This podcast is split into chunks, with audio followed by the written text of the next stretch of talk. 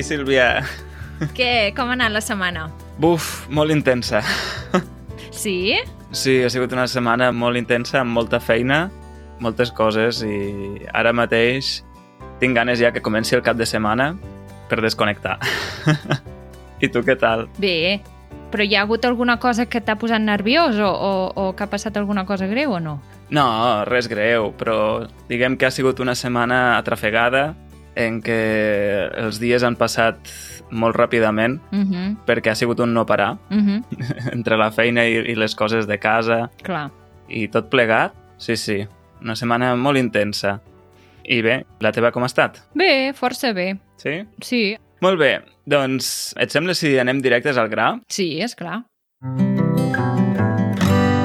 tema del dia. Doncs avui, ja que hem tingut, bé, o jo he tingut una setmana molt intensa i necessito alliberar tensions, proposo de parlar de coses que ens fan posar nerviosos, Uh -huh, coses que ens treuen de polleguera uh -huh, i coses que ens fan treure foc pels queixals. uh -huh. És a dir, coses del dia a dia que ens, bé, que ens enerven, que ens toquen els collons, dit col·loquialment, que segur que n'hi ha moltes. Sí, perquè està ple. Sí. Segur que en diem algunes, però ni... la llista és molt llarga. Exacte. Aleshores, el tema d'avui és queixar-nos de- d'algunes d'algunes coses, perquè aquest és l'esport nacional. És que és gratis, Andreu, és gratis. Sí, queixar-se és gratis.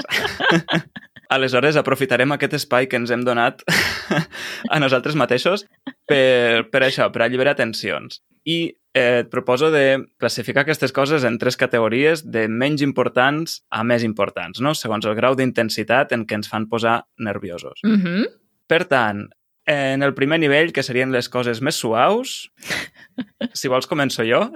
D'acord, endavant. Vinga, doncs la primera cosa que em posa nerviós és la gent que es deixa la nevera oberta mentre fa altres coses. Uau!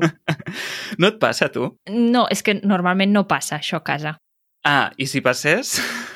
Home, clar que m'enfadaria, però... Ah, no sé, a mi m'han ensenyat que la nevera cal no tenir-la oberta gaire estona, no? Uh -huh. Perquè la frescor de dins es perd. Sí, exacte. Doncs jo, en un pis compartit en què vaig viure, Ja hi som. No, Andreu! si no, aquest, aquest episodi no és la segona part de pisos compartits, però en un pis compartit on vaig viure tenia un company que obria la nevera i la deixava oberta, llavors es posava a, a fregar plats Hòstia, o, no!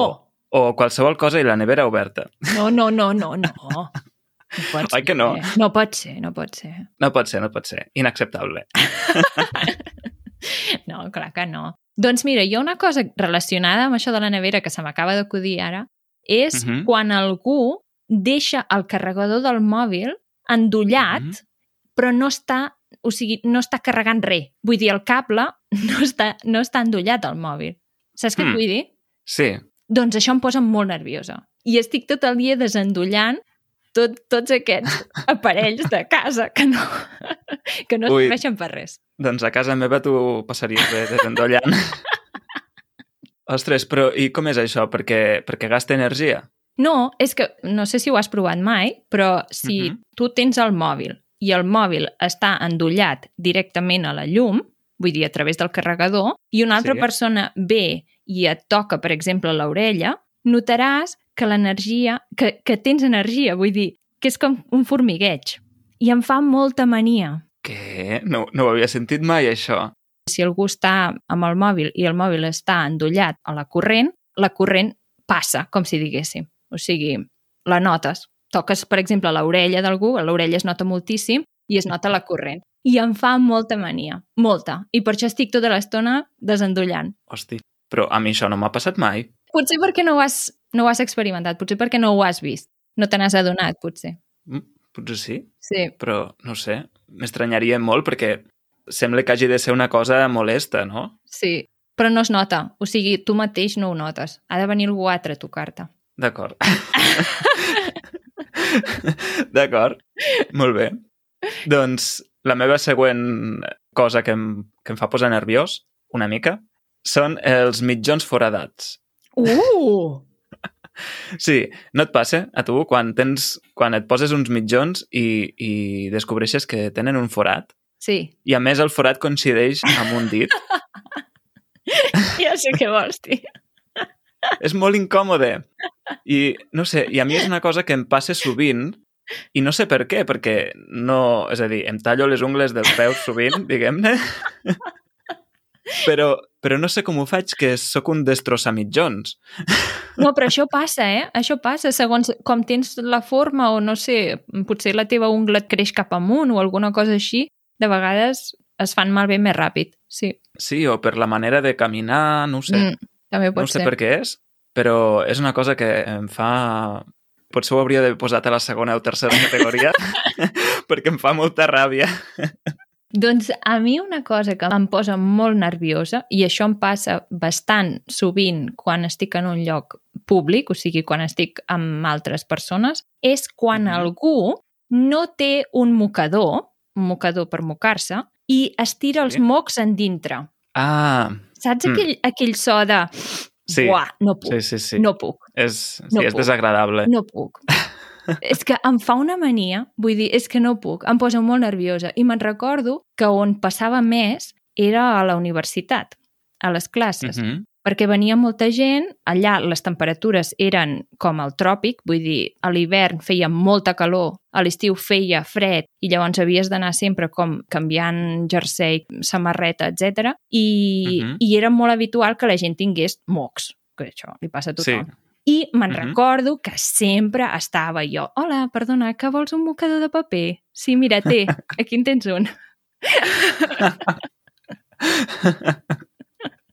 perquè jo ho feia de la, de la forma més amable possible, no? Perquè no s'adonessin... Subtil. Sí, Sí. perquè és que no podia, o sigui, tenir una persona a la mateixa habitació, a la mateixa classe, durant una hora o més, tirant-se els mocs en dintre, és que no puc. No puc. Clar, i sobretot quan fan molt de soroll, Sí. no? Sí, és que Sí, sí. no pot ser. no puc. Curiós, jo tenia, tenia una amiga, bé, tinc una amiga, que la posava molt nerviosa quan algú es frega les mans, o sigui, el soroll de les mans en Ah, fregar-les, una amb l'altra, sí, o sigui, Ah, aquest soroll, no? Uau. Sí, sí, sí.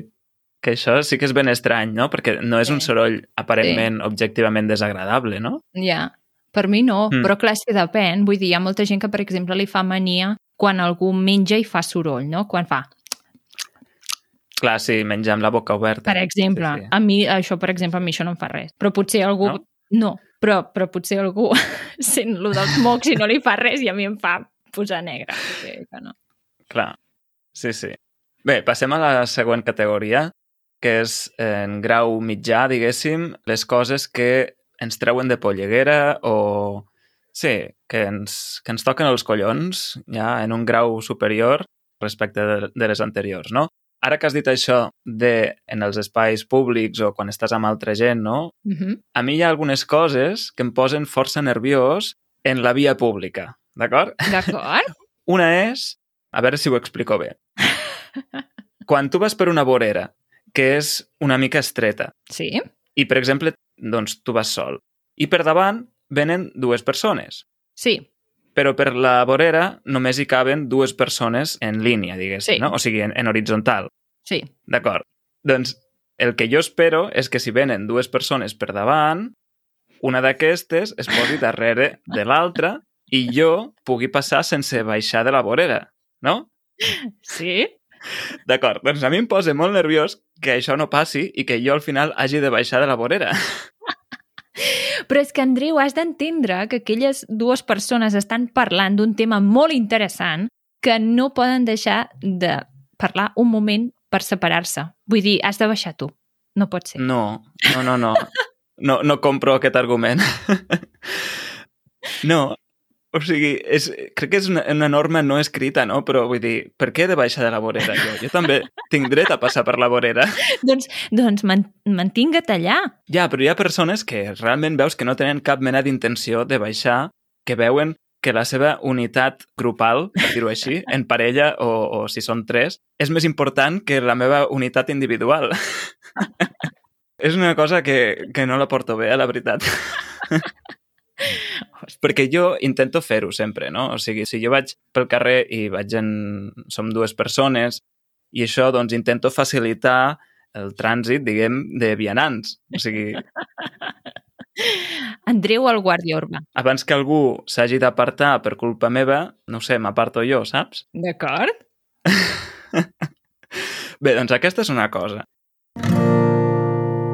Per cert, si vosaltres també voleu fer teràpia de grup i voleu explicar-nos les coses que us fan posar nerviosos, que us fan enfilar per les parets i tot això, feu-vos membres de la comunitat d'Easy Catalan i tindreu accés al Discord, que és un espai on ens trobem setmanalment diverses vegades per fer-la petar, per xerrar de tot i més, i en què ja tenim una petita comunitat doncs això, en què ens trobem i practiquem el català conjuntament. Exacte. En el Discord veureu que hi ha diferents xats. Hi ha un xat actiu cada dia en què podeu comentar notícies que ens posa la Sara, per exemple, o anem comentant també el dia a dia. Si ens ha passat alguna cosa interessant o hem anat a visitar algun lloc, doncs eh, posem les fotografies i, i anem comentant. I també, com ha dit l'Andreu, podeu venir a parlar i a practicar el vostre català i esperem veure-us per allà molt aviat. I, a més a més, si us feu membres de la comunitat, no només tindreu accés a aquest espai, sinó també a tots els exercicis que estem fent a partir dels vídeos i, segons la vostra subscripció, si us subscriviu a la, amb la subscripció de podcast, tindreu accés a les transcripcions completes de tots aquests episodis del podcast, de manera que podreu llegir i escoltar alhora per entendre completament el que sentiu. Exacte, i a més a més, penseu que a part de la transcripció també hi ha l'opció de la traducció automàtica. Hi ha més de 20 idiomes en el que podeu escollir la traducció. Per tant, si no esteu segurs del que significa una paraula, el estar subscrit a la nostra comunitat, podràs veure la paraula traduïda a un d'aquests idiomes que dona la possibilitat l'aplicació. Uh -huh. Doncs ja ho sabeu, no us ho penseu més i, i us esperem. Exacte. Vinga, fins aviat. I ja que he encetat el tema de la via pública, Ja hi som. L'altre és quan, allò típic, no? que tu no portes paraigua i vas per la part del costat de, de les façanes, per sota dels balcons, perquè Sí? no plogui a sobre, i la gent que ve per davant, altre cop, porta paraigua i es manté a sota dels balcons. O sigui, no et deixa anar tu per sota dels balcons. és que... No, no. Aquí, aquí és perquè, tot i que portis paraigua, de vegades no tapa del tot, i el balcó sí. Llavors, Ja. És com doble capa. Ja. No, ja, ja ho entenc, eh? perquè jo m'he descobert a mi mateix també alguna vegada fent el mateix. Clar, clar. Perquè no hi pares atenció. No. Jo Sí. crec que ho fem sense pensar, vull dir. Sí, sí, sí. Tens el costum de posar-te per sota dels balcons i, i si vas amb el paraigua també. Sí. Però jo, com a persona despistada que se sol oblidar el paraigua a casa quan plou, doncs solc ser el perjudicat que, que, que s'ha d'apartar altre cop. És que és, és molt empipador portar un paraigua per la ciutat, eh? Vull dir, es Mm. fan uns corrents de vent que a la mínima ja el tens girat i ja el pots llançar. Sí. Tampoc no sé si és el millor estri per anar un dia de pluja per Barcelona. Potser el millor és una capelina o alguna cosa així. Hmm. Mm. Sí. I tu què, Sílvia? Què et fa posar nerviosa, diguem, entre poc i massa? A mi el que em treu de polleguera de veritat és quan, també en espais públics, Uh -huh. la gent fa comentaris masclistes, o potser no són Ah. masclistes, Uh -huh. però sense mala intenció. Uh -huh. O sigui, m'explico, m'explico. Vull dir, hi ha molta gent que fa comentaris i els fa intencionadament. Ja ho fa pensant, veuràs ara la cara que posarà, no?, després de- d'haver-li dit això. Però hi ha gent que ho fa amb tota la bona intenció del món. Vull dir, Ah. et, et pregunten o et fan afirmacions d'algunes coses i ho fan pensant que, com que ho han sentit tota la vida o sempre ha sigut d'aquesta manera, és una cosa bona. Potser no s'han parat Ja. a pensar que no és bo, Ja, Però- ja t'entenc. però -huh. ho fan, no? I llavors, moltes vegades, jo els explico als meus amics mireu què m'han dit o mireu què, m- què m'he hagut de sentir, no sé què, i molts em diuen Sílvia, tampoc n'hi ha per tant. Com dient, a veure, això ho diu tothom. Sí, ho diu tothom, però potser no ho hauríem de dir. No? Exacte. I podries posar un exemple? Sí. Per exemple, en una mateixa setmana, i no és Mhm. broma, és veritat, en una mateixa setmana em vaig trobar a dos coneguts diferents que entre ells no es coneixen de res. Vull dir, un dia em vaig trobar un conegut i un altre dia em vaig trobar un altre conegut. I Mhm. un dels coneguts em va dir «Ai, Sílvia, sí que estàs prima. Quants quilos t'has Mhm. aprimat?» I a la mateixa setmana, l'altra persona em va dir «Ui, Sílvia, t'has engreixat molt, eh?» A mi és un tema, el tema del pes, que no m'ha Mhm. importat mai. Mhm. D'altres coses potser sí, però el pes no m'ha importat mai. Per tant, jo, aquests dos comentaris, per mi no va ser res, vull dir, no em van afectar. El que em va afectar és que algú opini, em faci un comentari sobre el meu aspecte o el meu pes.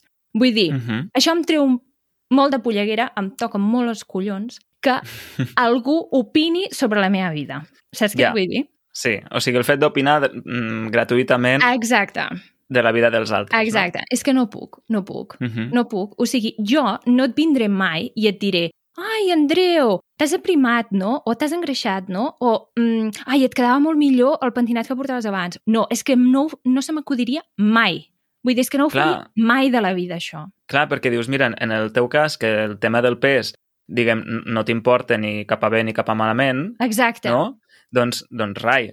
Exacte. Però a, una però a una persona que sí que li importi és, pot ser un comentari molt i molt i molt ofensiu. Exacte, és que és això. I aquestes Mhm. persones no ho van fer amb mala intenció, perquè les conec i... Vull dir, no ho van fer amb mala intenció. És simplement un comentari que està com anclat a la societat i que Clar. és normal que Mhm. quan trobin una persona, normalment una dona, li faiguin un comentari sobre el seu aspecte. I això, Sí, sí, doncs, em cabreja molt.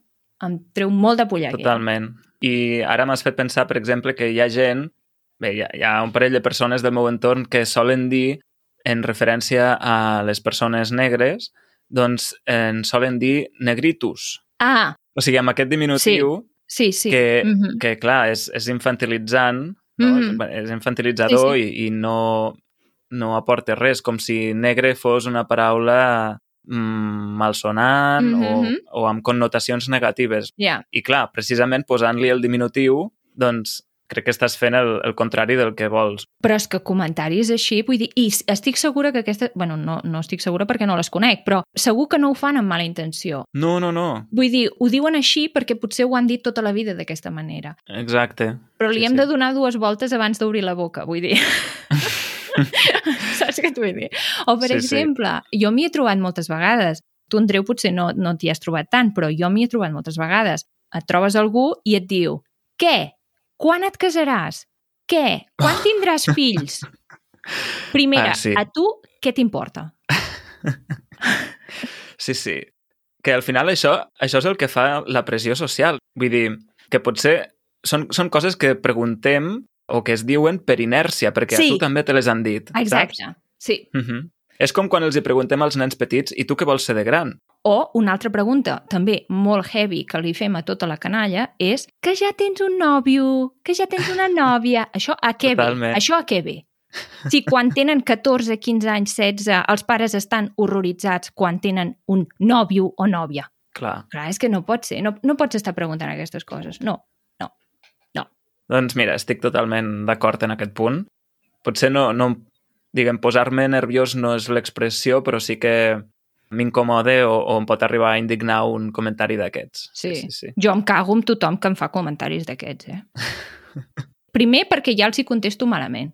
I llavors sempre em diuen, tampoc t'has de posar així. Però jo ja, a veure si li donen una volta a l'assumpte. Molt bé. Una altra cosa en espais públics que se m'ha acudit ara és, en aquest cas, en un espai molt concret, que són els lavabos públics. Ui, ui. O sigui, lavabos públics em refereixo doncs, a lavabos de bars Ah, o restaurants, D'acord. d'acord? Uh -huh. Sí, bars, restaurants o llocs similars, no? Uh -huh. Clar, ara amb la pandèmia ens hem acostumat a rentar-nos les mans més sovint, no? a, a, bé, a, a prendre una sèrie de mesures higièniques Uh -huh. que potser són més que les que preníem abans, Sí, no? sí. I a mi abans, o sigui, això que ara explicaré ja era una cosa que em preocupava abans, però ara més. Em sembla que sé per on vas. Continua. Sí, és el fet que quan tu, diguem, has fet ús del lavabo i ja estàs en la part final que consisteix a rentar-te les mans, doncs has de tocar tota una sèrie de coses, que són el mànec de l'aixeta, Sí, pot ser el botó de l'assecador, si és un assecador elèctric, no? El pom de la porta, el mànec de la porta. Són tot un seguit de coses que tu ja t'has rentat les mans perquè ja t'has posat el sabó, t'has esbandit, però llavors has de tancar l'aixeta, activar l'assecador i després obrir la porta. I dius, però, a veure, hauria de ser tot contactless. Però normalment tot això són llocs on normalment no se sol netejar. Vull dir, el pom de les portes, ara potser després del Covid sí que algú se n'ha donat, que és un lloc ple de bacteris, però normalment no se solia netejar tant. Vull dir, les superfícies, no? les piques, etc etc, potser sí, però el pom de la porta Mhm. potser era un lloc, o l'interruptor de la llum, també, Mm. alerta. Clar, també. Llocs així, Mhm. potser no, no hi havia tant, tanta cura, no? Mm. Sí, llavors jo sempre em trobo fent equilibri i, i de tot per intentar tocar el mínim possible, no? Sí, ja en som dos. Allò que quan, quan en lloc d'un assecador elèctric hi ha un dispensador de papers, doncs agafes un paper i amb el paper obres la porta. Exacte, Agafes el mànec. exacte. En fi. Bé, doncs passem al tercer nivell de coses que ens fan treure foc pels queixals, que ens Mhm. fan que ens enfilen per les parets. Mm -hmm. Una expressió molt divertida aquesta, perquè ja em diràs tu com t'enfiles per una paret i com treus foc pels queixals. Són metafòriques, òbviament. Però mm, això, comença tu, va. Doncs una cosa que a mi em treu de polleguera, em, em fa emprenyar moltíssim, és Uh -huh. quan juguen amb la meva paciència. Vull dir, Mhm. jo de paciència en tinc bastanta. Sé que hi ha gent que en té molta, però jo en tinc bastanta. I puc ser bastant pacient, però arriba un punt que ja veig que estan jugant amb la meva paciència. Vull dir, quan tu pagues, per exemple, per un servei i tu Mhm. vols que aquell servei es faci correctament, ells potser no el fan del tot correcte i van esperant a veure si els hi dius alguna cosa. No? Si tu no dius res, doncs ells continuen fent el servei així a mitges, que no, Mhm. no acaba de ser bo del tot. Però ells van esperant, van esperant, van esperant. És allò com que van apretant i si no es goelles, doncs donem-li un altre tom de volta. Hmm. I això per em exemple? va emprenyar moltíssim. Per exemple, un tema que és ara molt habitual en les converses és el preu de la llum. El preu de la llum Mhm. va pujant cada dia, no? Va pujant.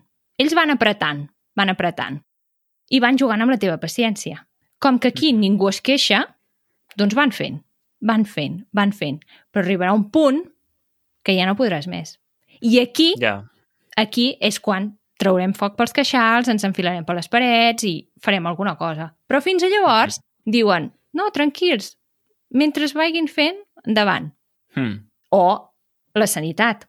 Mm -hmm. Estan jugant amb la sanitat i la paciència de la gent. La paciència dels metges, la paciència de les infermeres... Mm -hmm. Per què? És que no ho entenc. El servei hauria de ser correcte i bo per tothom, tant per les persones que l'estan fent com per les persones que van de pacients. I això em cabreja moltíssim, moltíssim. Hmm. O sigui, et refereixes a qüestions que afecten, o sigui, que van del sistema cap a l'individu. Exacte, O sigui, et refereixes doncs, al, al sistema polític, al Exacte. sistema tot això. del mercat lliure... Sí. I són coses que normalment no pots influir tu sol. Ja, sí, sí, sí, sí, tens raó. sí, aquestes coses jo també m'indigno, eh? Quan veig que el preu de la llum puja cada dia... És que ja no, ja no pots fer res més, vull dir, és que tu has de prendre broma, no? O potser sí que podem Sí, sí. fer alguna cosa, però no ho fem. Llavors és això. Bé, doncs ara t'explico jo una cosa que em fa treure foc pels queixals i potser és una cosa més banal, però de, de debò que m'emprenya molt, que és la gent gran, especialment padrines, no sé per què, però especialment padrines, que se't colen a la cua del supermercat. Home, Andreu, però tu creus? Treure foc pels queixals, per això? No. Sí, No, m'indigna molt va. això. No, fotem. Que sí, clar, perquè jo penso, miri, senyora, senyor, però ja et dic, en, en la meva experiència sempre són senyores. Si vostè té pressa o vostè, el que sigui, Sí. no vol estar gaire estona de peu i això, m'ho demane i jo la deixo passar, cap problema, però m'ho ha de demanar. No faci com si res. I, que, vull dir que a, a colar-nos a la cua és, és el que fèiem quan érem petits a la cua del menjador. Però és que és un art, eh? És un art, de veritat. Sí. És que les heu de veure. És que és, és al·lucinant. és un art, perquè elles fan com si res, no? Però elles ho tenen tot controlat. Saben perfectament la seva posició, les que queden a davant, a darrere, etc. I van calculant, no? Van dient, d'acord, ara em posaré cap aquí, que així Sí, sí. el dependent o dependent em veurà de seguida i ja de seguida demanaré. I així aquella noia d'allà no podrà dir-ho. I si em diu alguna cosa li diré, no, no, no, eh que no et fa res? Gràcies, eh? Sí, sí, tenen un art que suposo que, És que la, se l'han treballat, no? Tenen, tenen anys d'experiència. Però mira, jo no, perquè penso, t'estàs aprofitant i, i no és just. Vull dir, jo porto esperant i, i sí que diuen que l'edat és un grau, l'experiència és un grau, però escolti, de boca en tenim tots i de bona educació n'hauríem de tenir tots. Sí, doncs no sempre és així. I arriba un punt En fi. també, arriba un punt també que, que deus dir, a mi m'és igual el que em diguin el que no em diguin. Jo, si em vull colar, em colo i punt. Sí, sí, no, i el pitjor de tot saps què és? Que jo moltes vegades no tinc el valor per dir-los res. Ah, Andreu, per favor. Em costa, o sigui, ja sé que això també s'ha de practicar, Ai. però a vegades em costa i, i diguem que ho porto per dins, no? Aleshores, per això, Boníssim. Ja me l'imagino sí. allà. Com dient, me cago en l'hòstia. Ara aquí, cinc minuts més esperant perquè ella... sí, sí. Crec que ara, sí, ara fa temps que no em passa això, eh? però crec que ara si em tornés a passar intentaria dir alguna cosa, però en, en la major part dels casos no he dit res perquè perquè em bloquejo, perquè no sé com dir-ho i llavors ho porto per dintre Ah, doncs- totalment. Doncs sí, jo sí. sempre dic, no, no, anava jo. Sí, és que al final no és tan complicat, Ja està, però vull dir- no, no sé per què em costa. I llavors la seva resposta sempre és la mateixa. Però no et fa res, no? És un moment. Vull dir, per molt que li És- diguis, la, la seva resposta sempre serà la mateixa. Llavors, jo simplement ho dic per que es noti. Vull dir, som allà Ja. cinc persones esperant-nos, mm, guardant mm, cadascú la seva posició, el seu número correcte, doncs si algú no mantén l'ordre, ho dic. I punt. Sí. Clar. Mm. Alguna cosa més que et faci enfilar-te per les parets? Doncs segur que n'hi ha moltes més, però ara mateix no me'n ve cap al cap. L'expressió de la setmana. Doncs segurament heu notat que hem fet servir unes quantes expressions que signifiquen doncs, perdre els nervis, posar-se nerviós, emprenyar-se. Mm -hmm. Algunes d'aquestes expressions són treure foc pels queixals, que seria doncs, en un grau molt alt o màxim. Ja us podeu imaginar no, la imatge. Uh, jo m'imagino un drac, no? Exacte. Sempre m'imagino com un drac traient foc per la boca quan estàs ja furiós i totalment De enfurismat. vegades et poses així, vull dir, se't posa la cara ben vermella, no? Estàs cridant, Mm i quan crides, a més a més, gesticules molt, obres molt la boca, vull dir, sí, podria ser possible que traguessin foc pels queixals. Sí, sí, sí. I també, doncs, enfilar-se per les parets, que ja l'hem dit, que a mi em sembla una expressió molt divertida.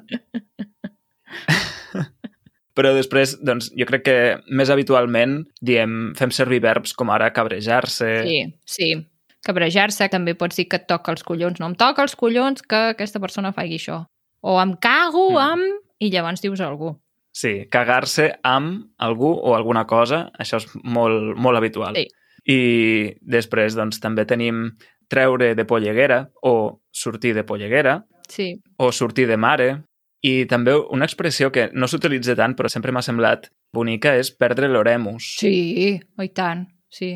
Però perdre l'oremus ja és més aviat que et tornes boig. Sí, o sigui, ja és el grau màxim, màxim, maximíssim. Sí. Vull dir, Quan estàs totalment fora de, Sí, fora de tu sí. mateix, no? Fora de si. Sí. vull dir si Mhm. algú et fa perdre l'oremus és que no saps on és el nord. Vull dir, ja estàs, ja... estàs molt boig. Sí. Exacte, perdre el nord. Exacte, perdre Exacte, el nord. Perdre el nord és perdre el seny, no? Perdre la, la racionalitat. Mm. I també amb el verb perdre podem dir perdre els nervis, perdre els papers o perdre els estreps. També. Uh -huh. Ja veieu que d'expressions no en falten en aquest tema. Sí, això vol dir que, que com a mínim, segurament altres societats també, però la nostra tenim moltes coses que ens fan posar nerviosos, que ens fan perdre els papers. ah, i també bullir la sang. Ui, sí. Quan algú et fa bullir la sang és que t'ha fet enfadar molt. Mm, sí. Mm -hmm. Easy Catalan recomana. Avui us recomanem un perfil d'Instagram que es diu El Chicharello. El coneixes, Sílvia? Sí, és boníssim, l'heu de seguir. És boníssim. És un perfil d'Instagram d'una empresa que es dedica a la producció de vins i caves, em penso, però avui us recomanem especialment el seu perfil d'Instagram en què hi ha una sèrie de publicacions titulades Gent que fot ràbia. Totes les publicacions del Chicharello són molt divertides i us les recomanem totes en general, però avui us recomanem concretament els especials de gent que fot ràbia. Fotre ràbia és gent que no ens agraden, no? que ens causen malestar per algun motiu. I, per exemple, doncs hi ha l'especial veïns, veïns que fan ràbia. Oh. Doncs tenim, per exemple, la senyora que s'emprova talons de matinada. Boníssim. És que, clar, no, no hem parlat dels veïns, però és que els veïns també podria ser un altre, un altre episodi, eh? Exacte. O els que fan més obres que la Sagrada Família. és que és boníssim. Sí. O també hi ha un especial eh, gent que fot ràbia al gimnàs. I tenim, doncs, els croissants que fan peses i angúnia. o els que només venen per fer-se selfies. Ai. No, de veritat, és que heu de seguir aquest compte, és boníssim. És molt divertit. No sé a qui se li acudeix totes aquestes coses, però boníssim. Sí. Ah, mira, i n'hi ha un que és gent que fot ràbia especial supermercats Ah, i el primer de tots és la iaia que es cola a la cua del pa. Andreu. Molt bé. O el que toca totes les fruites. Ai, sí, per favor, això també és... Bueno, sí, sí. En fi, doncs us deixem els enllaços d'aquests especials gent que fot ràbia perquè hi doneu una ullada i bé, seguiu aquest perfil perquè riureu molt. Molt bé, doncs que Sílvia, ho deixem aquí. Jo crec que ja hem fet teràpia de grup sí, avui. Sí, I sempre al final se n'ha de riure, no?, d'aquestes coses. Vull dir, Sí, què vols fer? sí, jo crec que al final l'humor és la millor manera de superar aquestes coses. No? Mm. Doncs res, un altre dia fem, fem més teràpia quan calgui i fins a la propera, Que Sílvia. vagi bé. Vinga, adeu. Adéu.